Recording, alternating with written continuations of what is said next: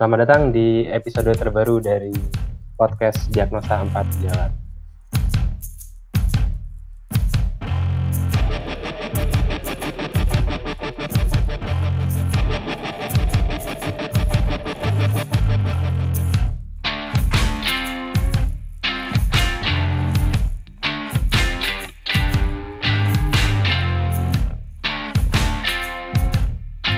Jadi podcast kali ini episodenya diambil di awal bulan Juni. Jadi kalau kalian pada ngedengerin podcast ini eh, baru-baru aja ada pengumuman dari pemerintah mengenai pelonggaran masa PSBB. Jadi di sini gua nggak sendiri, masih sama teman-teman gua. Akbar, Hebar, aman Bar, apa kabar? Apanya nih aman? Apa kayak Bar? leher aman leher. leher. Mata, Leher aman, mata leher, masih kuning, mata masih kuning. Anjir. Gue kira leher apaan? Ada juga. Tiko, hai Ko. Halo Jit, thank you for having Gimana Ko? Iya, Depok iya. masih Ini sorry banget sebelumnya semuanya balik kotanya. rekamannya jadi mundur jauh dari jadwal kita biasanya Nggak karena gue yang sibuk setiap sore jadi kita nggak bisa rekaman. Bagi pendengar setia mohon maaf ya semua. Iya. Iya, yang nungguin suara gue. Buat yang nunggu-nungguin suara Tiko ya. Eh, gue baru aja selesai kemarin bimbingan untuk ujian PPDS gue. Didoain ya. mau ujian PPDS, Amin. didoain ya biar bisa. Amin. Ada juga Bill, hai Alhamdulillah. Bill. Gimana ya, Bill? Gimana apa masih Bill? sama kayak kemarin-kemarin. Gorontalo masih aman kok. Walau- walaupun Enggak, enggak, enggak ini. Mas gue perjodohan gimana Bill? Aman. alhamdulillah semenjak gua punya ponakan, adek gua melahirkan bayi baru. Pertanyaan tentang jodoh sementara terpinggirkan Hah? dulu. Jadi lagi sibuk ngurusin Jadi ada bahan lain. Ya ada- masih ada bahan ngurusin lain. akikah, gunting rambut. Ya pokoknya kayak sampai sih ada sunat baru gua bisa ditanyain lagi nikahnya gitu. Tadi udah gue singgung sedikit tentang kebijakan pemerintah untuk relaksasi pembatasan sosial berskala besar di beberapa daerah. Itu topik yang bakal kita bahas di episode kali ini. Cuman sebelum ke sana, gue mau tahu dulu nih gambaran gimana sih? Ini kan kita lagi masa-masa Woi. transisi nih. Pelonggaran tuh yang tolak ukurnya yang mana sih? Yang komentarnya siapa kemarin? Ada yang tahu nggak? Kenapa yang menyebut bahwa ini dilonggarkan tuh yang, Yang mana? keputusan kepres yang mana atau apa gitu? Eh, kalau gue sih nggak ini ya, Nah. nggak nggak tahu edaran resminya. Tapi yang cuman yang gue baca di medsos itu dari mulut ke mulut orang tuh pada ngomongin ini tuh udah masa transisi gitu loh. Nah gue bahkan Kalau yang gue lihat emang orang-orang mulai masuk Kalau menurut lu ke gimana? kantor tuh per tanggal 8 kemarin ya. Itu kemarin Hmm. udah mulai banyak banget. Stasiun juga udah mulai rame. Jalanan udah kayak biasa. Jadi kayak orang udah mulai pada ngantor. Yang gue nggak Oh. ngerti tuh kok seakan-akan kayak dari pemerintahnya juga merasa bahwa orang gua nggak bilang. Jadi abu-abu gitu loh. Pelonggarannya tuh nggak Hmm. nggak jelas. Dia melonggarkan tapi seakan-akan mau ngumpet kayak enggak kok gua nggak ngomong melonggarkan gitu loh. Nggak nggak jelas terpampang bahwa ini sudah dilonggarkan gitu biar nggak disalahin orang. Gue nangkapnya kesannya gitu. Kan Gorontalo sekarang masih masih dalam fase PSBB ya. Kan eh, waktu Jakarta sudah positif di bulan Maret, kurva di Jakarta udah nyampe udah banyak, kita baru baru mulai naik baru satu dua satu dua gitu pasiennya. Jadi makanya eh, mungkin masing-masing daerah beda ya. Yang sama kata. Tiko tadi, kalau di Gorontalo sih memang PSBB itu cuma nutup tempat-tempat umum aja, restoran, eh, mall, yang tempat-tempat orang ngumpul banyak.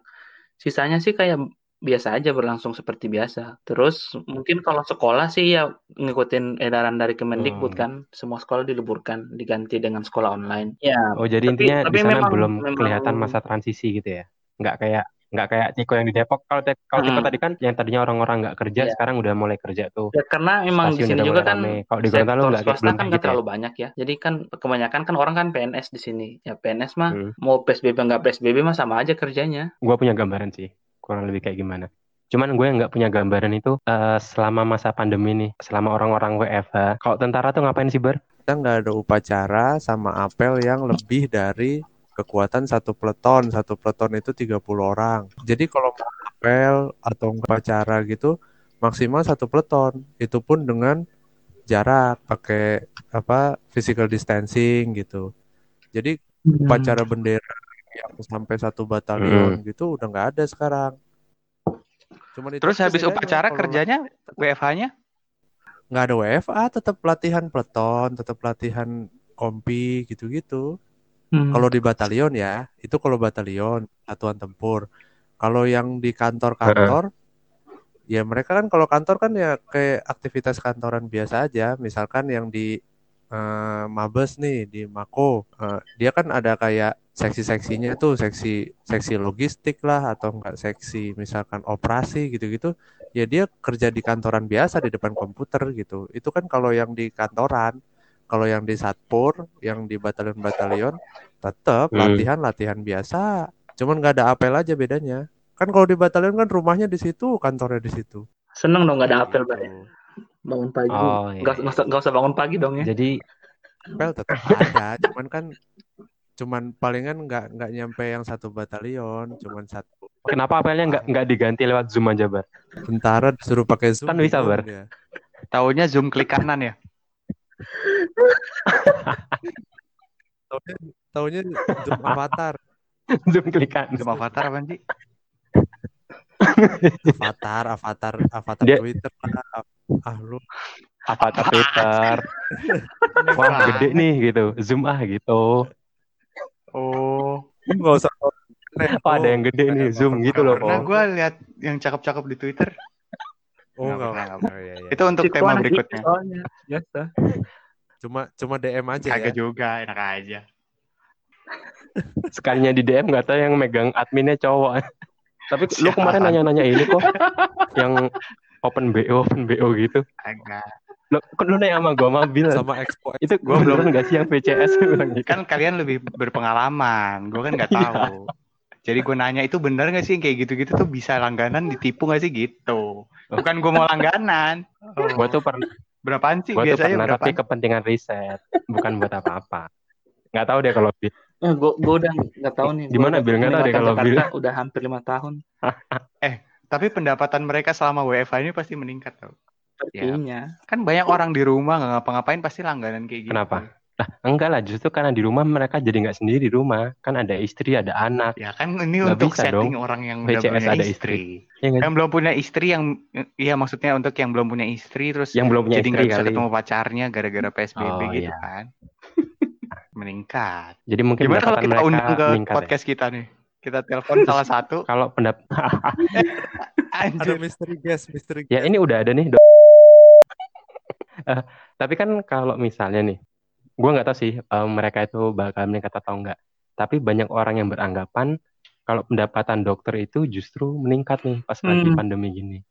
Lu gimana, Bil? Lu kan di rumah sakit. Bil. Jadi gini ya. Meningkat nggak pendapatan? Kalau berdasarkan hitung-hitungan kasar, pasti sih turun karena satu kos kita naik untuk corona. Ya kan, lo tahu sendiri biasanya untuk operasional IGD sebelum masa pandemi yang cukup dengan 3-4 orang dengan APD yang seadanya, sekarang kosnya naik dengan kebutuhan hazmat yang mungkin lebih banyak gitu. Terus dengan tools diagnostiknya naik juga. Kayak sekarang aja dispepsia doang harus ada rapid testnya. Jadi otomatis jadi pasti costnya naik juga di situ. Tapi kan orang Kemudian- bayar.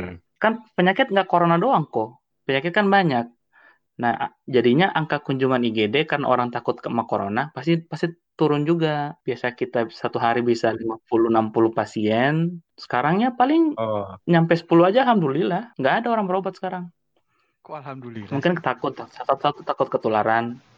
Dan kedua, dokter-dokter spesialis juga kan banyak yang nggak praktek jadinya. Jadi perawatan kita itu nggak banyak jadinya. Pasti turun. Tapi karena kita RSUD dan dapat duit dari BPJS, jadi kalau ada adik-adik yang masih sementara is koas akhir tingkat akhir, kalau mau kerja di RSUD, nih gua kasih tahu ya. Ntar kalau di RSUD, kalau kerja sama BPJS, gaji lu itu bakal mundur 3-5 bulan dibandingkan seharusnya. Jadi kayak sekarang nih, sekarang bulan Juni ya, yang jasa Maret itu, eh jasa Februari baru mau dicairin. Maret, tapi dapatnya di bulan Juni. Jadi mundur 3 bulan. Jadi gitu, biasalah. Itu udah hal lumrah. itu hal hal hal umum Tahu. yang kita ketahui tapi orang di luar kita tuh nggak tahu itu gitu loh. Iya. Kalau itu ya mungkin karena gue juga pernah di rumah sakit kejadian RSUD gue punya gambaran. Tapi gue tuh nggak punya gambaran kalau dokter tentara nih bar, itu ngitung insentifnya gimana sih bar? Itu Gitu, dari gaji pokok aja. Jadi fix gitu ya Iya. sistemnya? Lu- Nggak naik nggak turun? Enggak ada itu, Bar. Bar, Nggak Oh ada ada tugas tambahan apa Nggak gitu bar? BPJS. Pindah ke mana Kan gitu? lu bisa bikin batalion kan? Kalau di batalion ada, di batalion kan ada namanya Tonkes. Tonkes itu peleton kesehatan. Heeh. Hmm. Jadi Banyak banget singkatan nih. dia Iya. Iya, Zikon, tentara tuh kenapa sih bar sama singkatan bar? kayak ngamap gitu. Kok kayaknya seneng banget. Room room kit. Iya. Terus susah lagi Serasa singkatannya. Iya, singkatannya ya. susah lagi. iya emang suka gitu dia mah. Iya makanya Pangkogap Wilhan. pangkok ngantip apalah. Kalau kalau Eh, gimana bar tadi bar? Gimana bar? sekarang ini kan gue lagi satgas nih. Satgas kan dilempar ke Papua setahun gitu kan. Ya udah lu cuman terima gaji gaji bulanan aja, nggak ada gaji insentif dari BPJS dan sebagainya. Karena kan gue memang nggak praktek di rumah sakit kalau satgas gini. Hmm. Nah kecuali gue di home base nih ada namanya Tonkes, Tonkes itu kan punya klinik. Sebenarnya tergantung batalionnya. Kliniknya itu mau kerja sama sama BPJS atau enggak. Nah, kebetulan klinik gua itu kerja sama sama BPJS. Jadi jatuhnya PPK 1 Vaskes Tingkat tingkat pertama. Ah. Hmm, ya pas ke Ya. satu, pas ke Nah, dasar. kalau vaskes tingkat pertama itu kan sistemnya kapitasi. Jadi ya kalau memang jasa medis ada, jasa medis tambahan dari BPJS ya palingan dari situ. Terus masih ada Gitu. klinik yang Kalau nggak misalkan- BPJS emang? Ada, ada beberapa batalion yang Tonkesnya nggak kerja sama BPJS. Jadi dia tentara tapi kliniknya bayar. nggak bayar justru kalau sesama untuk anggota internal batalion nggak boleh ditarikin duit Hmm. Oh, Udah ada anggarannya. ini maksudnya untuk pasien di Udah luar posnya gitu. pasien di Kan luar batalion. ini potong sistem potong gaji gitu kan ya. nggak biasanya Enggak ada juga kali orang klinik keluar batalion batalion berobat ke batalion. Serem banget. nah, itu betul betul Bil. aja gua nggak berani cuy. Bayangin aja Males.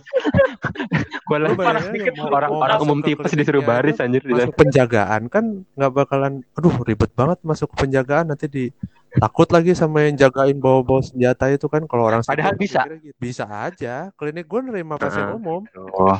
Cuman pasien pasien umum yang maksudnya pasien sipil nih mau masuk ke klinik gua nih, kan harus lewat penjagaan dulu kan. Sedangkan dia ngelihat penjagaan aja, wah udahlah nggak jadi nggak jadi sakit Heeh. gitu kan. Mendingan gua yang lain aja deh gitu. mending gua sakit. Ter- Terus kok eh, Hmm. kalau lu kok Gue pengennya kan lu, lu mau jadi mana nih by the way? Nah, kulit itu kan harusnya ada dua periode ya, Maret sama nanti Oktober. November ya, kalau nggak salah.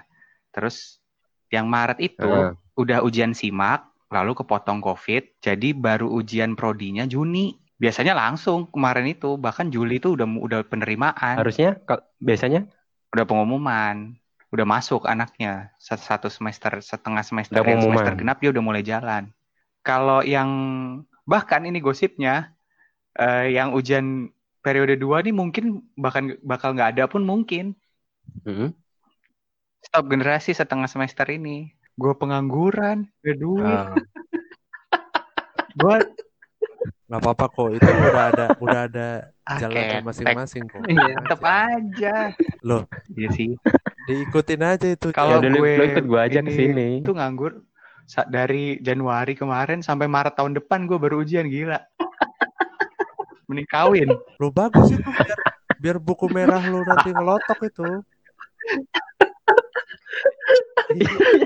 Maksudnya Lu sampulnya yang lotok ya, halaman-halaman oh ini Tinia versi kolor Woi, halaman gila. 235 Lu sampai Pramusia hafal kok. Iya, Kalau sampai udah kayak gitu gue hafal. iya, variola gila. Sampai penyakit-penyakit yang udah punah aja lu tahu kan Sargo. Jadi emang banyak banget ya sendi-sendi kehidupan tuh yang keganggu sama pandemi gini. Tapi ya eh, nggak tahu ini untungnya atau malah jeleknya Hmm. eh, dengan adanya gue sih nggak ini tetap pelonggaran ya pelonggaran eh, masa PSBB ini kayak ya mall udah mulai buka terus tempat-tempat usaha udah pada mulai buka semua kalau lu Bil, lu setuju nggak sih sama Nah, sekarang pelonggaran kayak gini kayaknya sih udah saatnya, udah Dengan saatnya kondisi kita yang di saat seperti ini, sekarang Bil. ya di saat sekarang ya. Hmm. Kalau gue sih, kalau gue yang gue lihat, memang udah udah saatnya Ya, kita ngasih kesempatan ini. buat ekonomi untuk kickback gitu untuk untuk eh, balik lagi bernafas ke apa perekonomian kita karena emang selama tiga bulan ini kita kan jatuh banget kan di se- segala segala segala sektor ekonomi kita itu jatuh semua dan yang kalau kita kalau kita lihat juga di sini bukan pilihan lagi antara kesehatan dan ekonomi. Dua-dua udah harus jalan bareng. Dengan PSBB dan segala macam kebijakan dari pemerintah kayak pembatasan dengan MUI juga ngasih keluar ibadah nggak bisa di masjid terus kita nggak mudik juga. Eh, angka yang sekarang dirilis pemerintah itu itu nggak sebanyak nggak nggak sejelek prediksi yang di- pernah dikeluarin oleh Iluni UI yang FKM tentang matematika itu hitungan matematika jadi Ah. yang gua gua baca kemarin jadi ada kurva prediksi dari anak-anak Eluni FKUI dan dibandingkan dengan jumlah sekarang itu jumlah aktual yang seharus- yang sekarang ada Iya, cuma 30% dari prediksi yang Kita yang sudah separah, ada. Jadi nggak separah prediksi memang itu. memang kita nggak bisa nggak bisa bilang eh, dengan PSBB corona akan negatif semua. Enggak. Pasti bakal ada ada infeksi bakal selalu jalan, transmisi akan selalu ada, tapi at least kita berhasil menekan eh, jumlah transmisinya. Kalau masalah tentang rumah sakit yang jelek eh, segala macam itu mah nggak pakai corona aja kita udah jelek Ah, oke. health healthcare kita healthcare system kita itu memang jelek banget. Jadi eh, kalau mau nunggu ini healthcare dibenerin dulu lama dan perekonomian kita nggak bakal jalan. Rumah sakit bakal ambruk semua kalau sampai masih kayak gini approaching kita. Karena lu tahu sendiri kan corona ini bad for business, nggak bukan cuma bisnis Oh, utama aja, bisnis kesehatan pun jatuh semua gara-gara corona. Kalau menurut gue nih, yang hmm. yang menco yang di oleh pemerintah itu rasa aman yang semu gitu loh. Jadi kan pelonggaran ini kan tadi kan Bill bilang memberikan insentif gimana ke tuh misalnya? ekonomi supaya dikasih nafas buatan biar ayo bangun lagi dikit gitu nih kita longgarin gitu. Padahal longgarinnya itu malah Hmm. meningkatkan resiko orang untuk mati.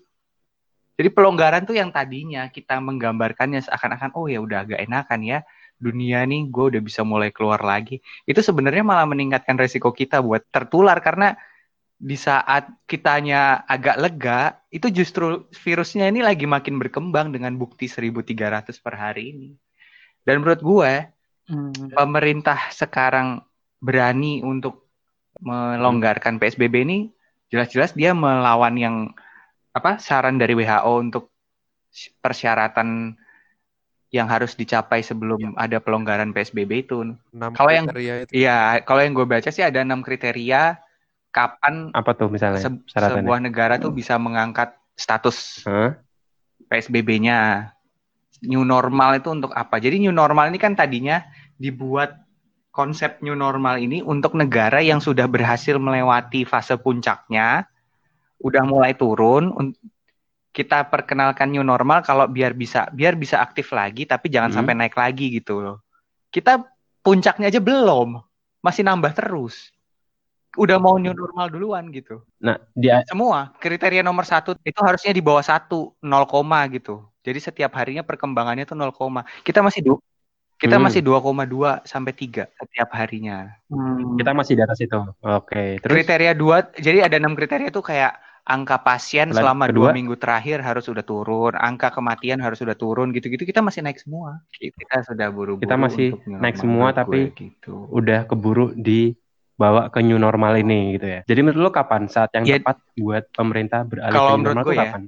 nggak ada kata telat. Kalau kayak gini kan harus dilakuin. Harus ada drastic measure harus ada tindakan tegas yang yang emang udah dilakukan gitu. Kayak or- orang yang udah new normal itu berarti dia biasanya negara yang udah udah lockdown duluan atau kemarin tuh udah berhasil tes masif duluan atau kemarin dia tracking per pasiennya duluan udah selesai jadi dia habis itu udah ada tindakannya baru udah new normal kita kan dari kemarin nggak ada tindakannya kita PSBB-nya juga ala-ala, tahu-tahu new normal. Tes masif enggak. Tracking new pasien normal gitu ya. lockdown enggak. Kita tes masif enggak, Tracking pasien kita enggak. Padahal kita tuh termasuk Lockdown negara enggak. yang ber- harusnya bersyukur karena kenanya aja kan belakangan nih. Ya tahu-tahu orang-orang udah mulai kena kan kita tuh harusnya bisa lebih belajar dari yang lain. Jadi menurut gue udah lewat Ya. waktunya. Tapi ya kalau mau kalau mau memang pengen ya udah kita babak Ah. belur dulu nih.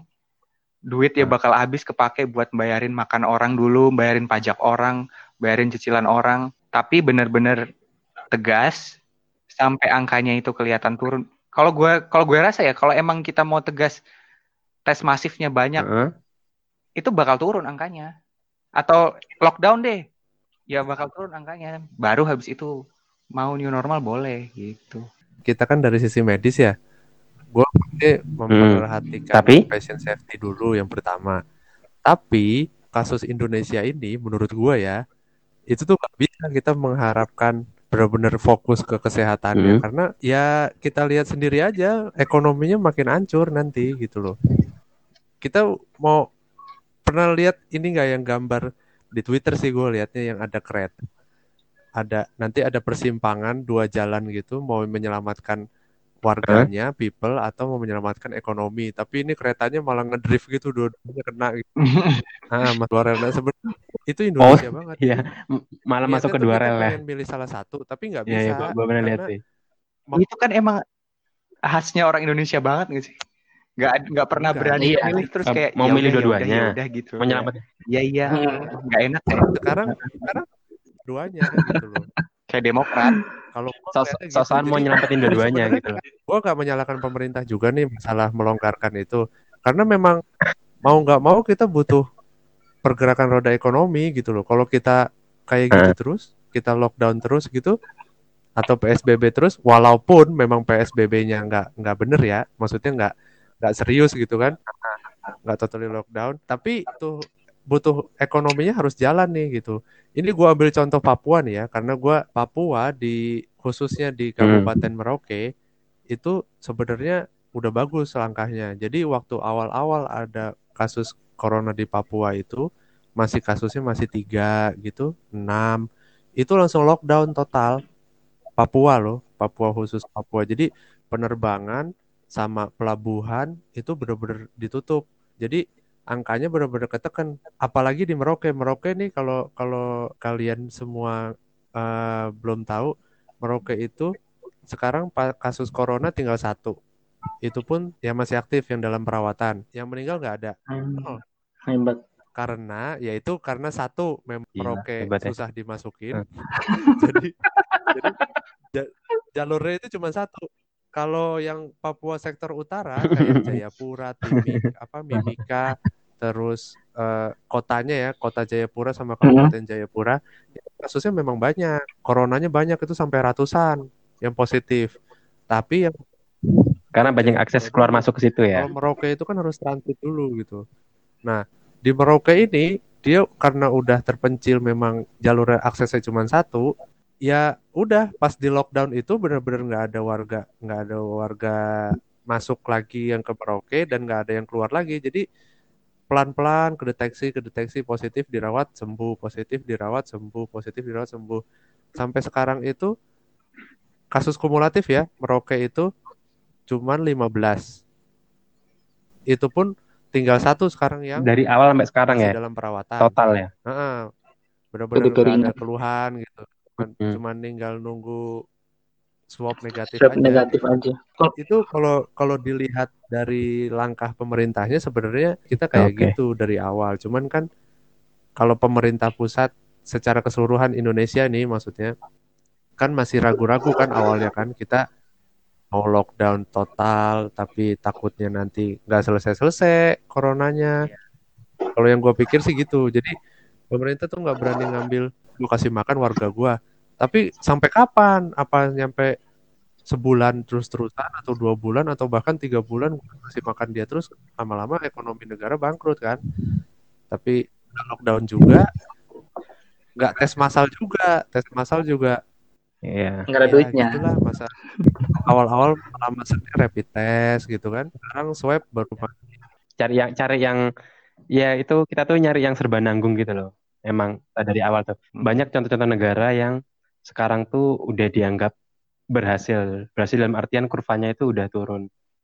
tapi mereka tuh berani gitu loh ngambil keputusan kayak Italia itu kan dulu sempat heboh banget Italia Spanyol itu kan sempat heboh Italia banget lockdown, Spanyol tapi lockdown. begitu mereka berani ngambil keputusan kalau Italia itu kan lockdown ya kalau nggak salah ya gue Eh, ngambil Korea keputusan juga loh. ya sekarang sih mereka udah landai sih padahal mereka Korea kan sempat parah banget tuh parah yang kan, awal-awal yang kan mati salah satu yang Iya, tertinggi 3000. Korea. atau Nah, terus Korea dia gimana? drastic measure-nya itu yang eh, tracking, tracking Ah, pasien PCR massal dan Tes massal setiap juga. orang yang kontak, semua yang kontak sama orang Oh, itu iya iya langsung dia PCR dicek. massal ya Terus mereka orang ya? itu, terus ada yang ke pressnya bahwa selama pandemi ini nggak ada HAM. Heeh. Jadi data pasien akan dibuka orang ini tinggal di mana, kemarin ke mana aja, dimasukin ke aplikasi Oh, yang iya. online yang kita secara real time jadi tahu, oh Indomart ini kemarin Heeh. didatengin oleh pasien, kita Ya, jangan jadi- beli di sini gitu. jadi emang perlu langkah Iya. radikal yang nggak setengah-setengah gitu nggak sih intinya Indonesia pengen ikutin Vietnam yang berhasil nekan, nekan corona tanpa tes massal, tanpa lockdown. Jadi yang gue lihat, jadi di Vietnam itu sama kayak kita, setengah-setengah di juga. Vietnam berhasil tapi Di Vietnam berhasil tes tes sesuai gejala, lockdown cuma per wilayah, jadi nggak nggak ada lockdown massal se Indonesia Vietnam gitu. Cuma mereka berhasil nurunin kurva juga. Yang gue tangkap sih di Vietnam itu mereka itu mencoba mempercayai masyarakatnya untuk ya physical distancing sama social distancing dirinya sendiri. Dan itu alhamdulillah berhasil di sana. Dan kayaknya ini yang bakal bakal dicoba di Indonesia. Jadi eh, mencoba ngasih kepercayaan ke masyarakat kita untuk kan tiga bulan ke belakang ini edukasi itu tuh udah masif banget kan. Edukasi cuci tangan edukasi tentang corona tentang menjaga kesehatan itu lagi gencar-gencarnya. Kayak edukasi olahraga aja sekarang semua orang pengen olahraga cuma berselisih paham di pakai masker apa kagak. Tapi animo untuk olahraga itu lagi tinggi-tinggi banget ini ini kan lagi ramai juga tuh tentang penggunaan masker untuk olahraga kan ada yang bilang oh olah- olahraga nggak boleh pakai masker atau ya udah lu Hmm, kalau pakai masker nggak usah olahraga gitu gitu ya? Kalau pakai Iya. masker jangan Lu olahraga. pernah baca itu nggak sih lagi heboh di medsos iya. nggak sih Ada ada, soalnya ada iya ada kasusnya. jadi katanya mas- masker itu dianggapnya berbahaya buat kesehatan gitu loh kan masker itu ngurangi pasokan oksigen jadi misalnya orangnya Oh, Heeh. Misalnya orangnya lagi sepedaan gitu kan. Orang lagi sepedaan butuh oksigen lebih gitu kan. Nah, masker itu akan ngurangin pasokan oksigen. Jadi itu akan memacu kayak serangan Hmm. jantung, Hmm. macu asma, macu lain-lain gitu loh. Buat pasien yang udah punya penyakit kronis sebelumnya. Kalau menurut gue ya, kalau emang mau olahraga Jadi- dan terpaksa harus ke tempat ramai ya mau nggak Ya mau pakai masker. Hmm. Kalau pilihan lainnya ya Iya. berarti olahraganya jangan di jam ramai atau jangan lari ke arah yang tempat ramai gitu nggak sih?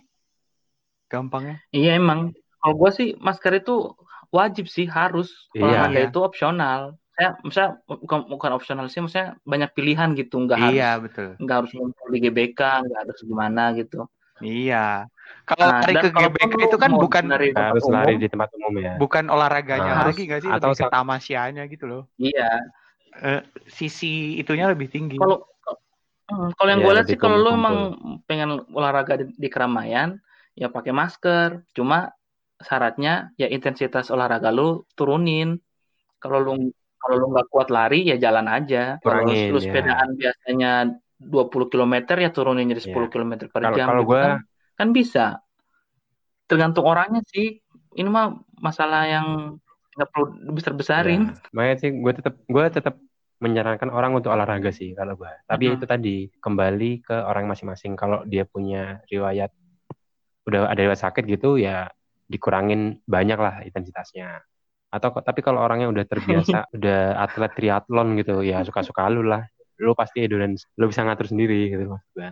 Jadi kalau nggak usah Ikut tapi gue tuh yang ribut. kesel Sosok. yang tadinya udah nggak pernah olahraga. Tahu-tahu pas kayak gini tuh tiba-tiba jadi lari pagi. Iya, jadi ribut sosokan. Ya perdebatan-perdebatan kayak gini tuh akan makin sering sih ke depannya. Eh, pakai masker saat olahraga atau mending gak olahraga sekalian apa gimana. Karena eh, penyakit ini memang penyakit baru. Jadi akan sering ada perubahan-perubahan ke depannya terutama mengenai protokol kesehatan. Lo ada ini nggak berita tentang protokol kesehatan baru yang diberlakukan oleh WHO misal? Yang Ada- itu tanggal 6 Juni itu dari WHO dia eh, update tentang penggunaan masker. Udah tahu belum lu? Jadi tiga poin eh, update-nya itu yang poin pertama Ah, tuh. orang yang ada di fasilitas kesehatan yang merawat COVID itu wajib menggunakan kemas.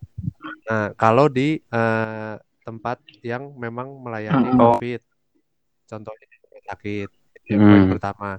Yang poin kedua untuk eh, warga atau masyarakat yang memiliki faktor resiko, misalnya di atas 60 tahun, punya komorbid, diabetes, penyakit paru-paru, itu kalau memang keluar dan tidak bisa mengurangi eh, bukan mengurangi, tidak bisa mengimplementasikan physical distancing secara baik, secara baik, Harus nah, keluar rumah intinya gitu harus intinya. keluar rumah dan dan nggak bisa menghindari physical distancing, itu wajib juga menggunakan masker medis. Itu yang poin Ya. kedua. Yang poin ketiga Hmm. itu untuk warga atau masyarakat yang usianya masih di bawah 60 tahun, misalkan 40 tahun ke bawah, tapi dia tidak bisa mengaplikasikan physical distancing secara baik, contohnya lagi di KRL, lagi di tempat keramaian, itu wajib menggunakan masker kain minimal tiga lapis dengan bahan yang berbeda. Tapi itu persyaratannya kalau misalkan nggak bisa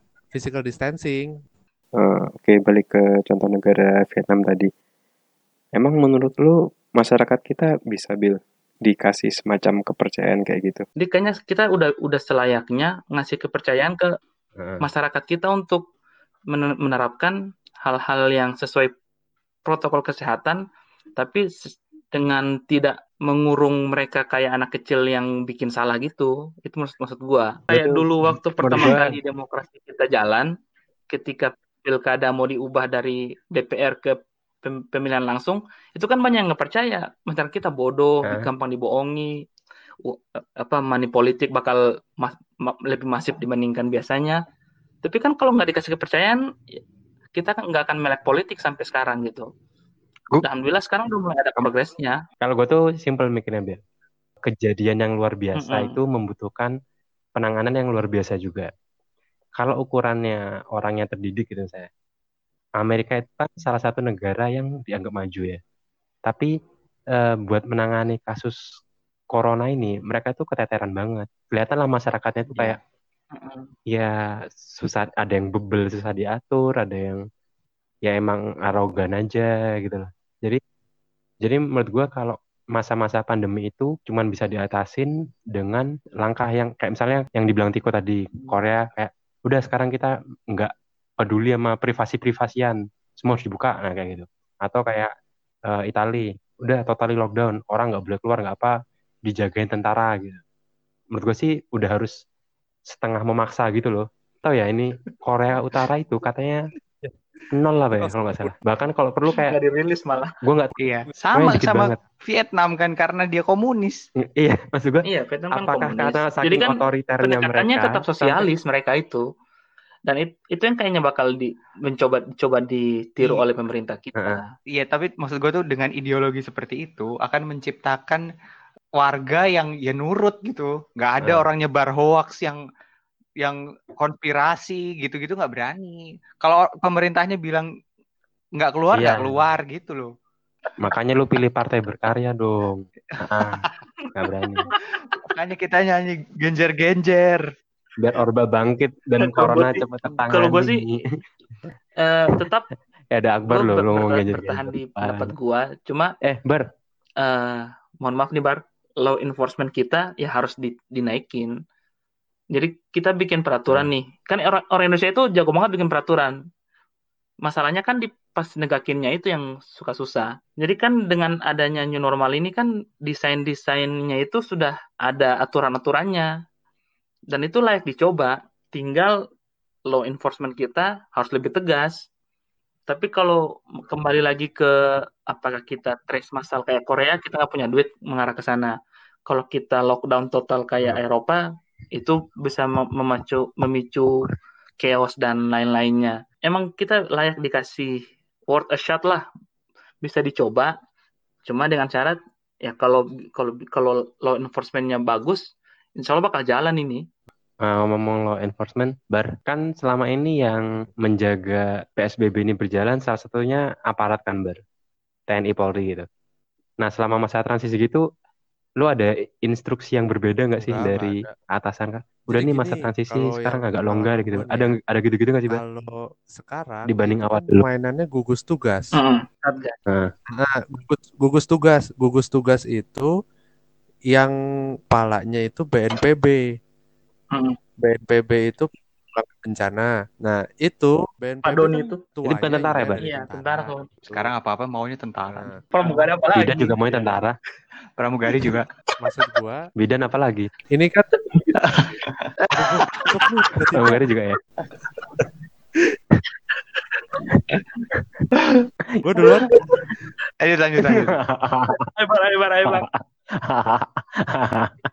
Ini ini yang gua tahu ya, kalau di kalau di Eh, gua kan berbicaranya berdasarkan apa yang gua alami aja ya. Nah, kalau gua Bukan itu konspirasi di atas ya? Jadi enggak, gua nggak tahu kalau yang di daerah lain. Kalau di daerah tempat Hmm. Papua bagian selatan tuh udah ada ketua gugus tugas sendiri itu dari BNPB.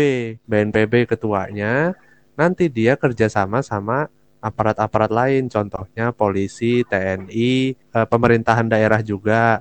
Sistemnya gini kalau di Papua itu kan mainannya distrik ya. Distrik itu ibaratnya eh, kecamatan. Di setiap kecamatan itu itu semuanya kerjasama, mulai dari Koramil, dari Hmm. Satgas, dari eh, Polsek, terus dari pemerintah kampungnya, pemerintah distriknya itu bikin kita bikin posko-posko gitu.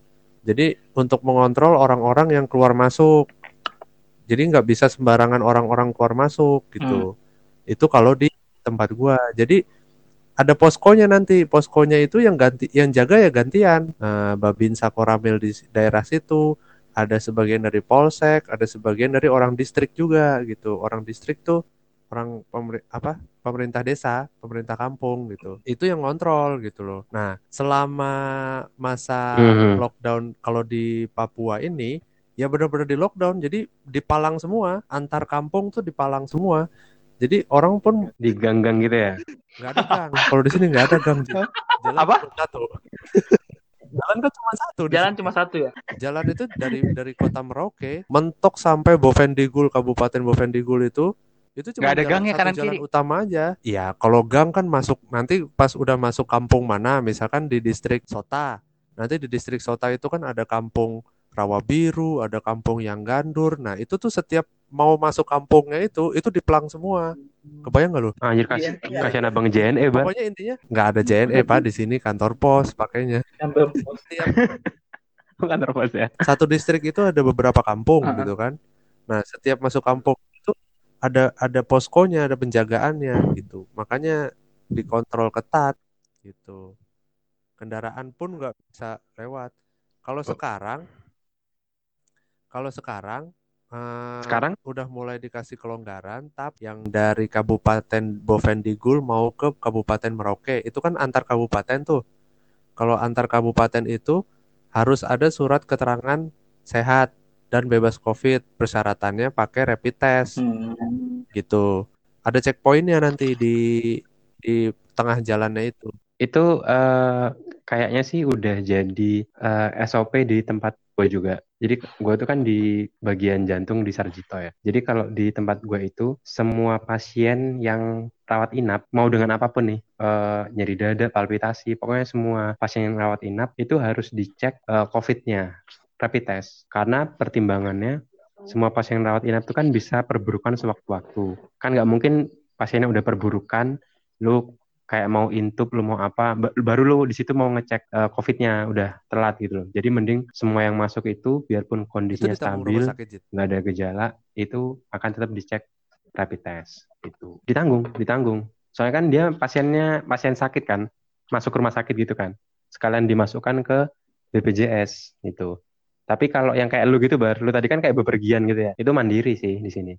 Tapi rapid test tuh juga kasihan menurut gue. Eh, lu baca gak sih kayak belakangan tuh orang-orang pada jelekin rapid test gitu, kayak bandingin sama PCR, kayak oh rapid test tuh kan gak akurat. Kenapa? Kenapa? Jadi kayak Memang. metode rapid testnya itu loh yang disalahkan, padahal kan itu kan alat bantu ya. Ibaratnya kayak pistol Oh yang iya. punya kekurangan Heeh. jadi agak miring gitu.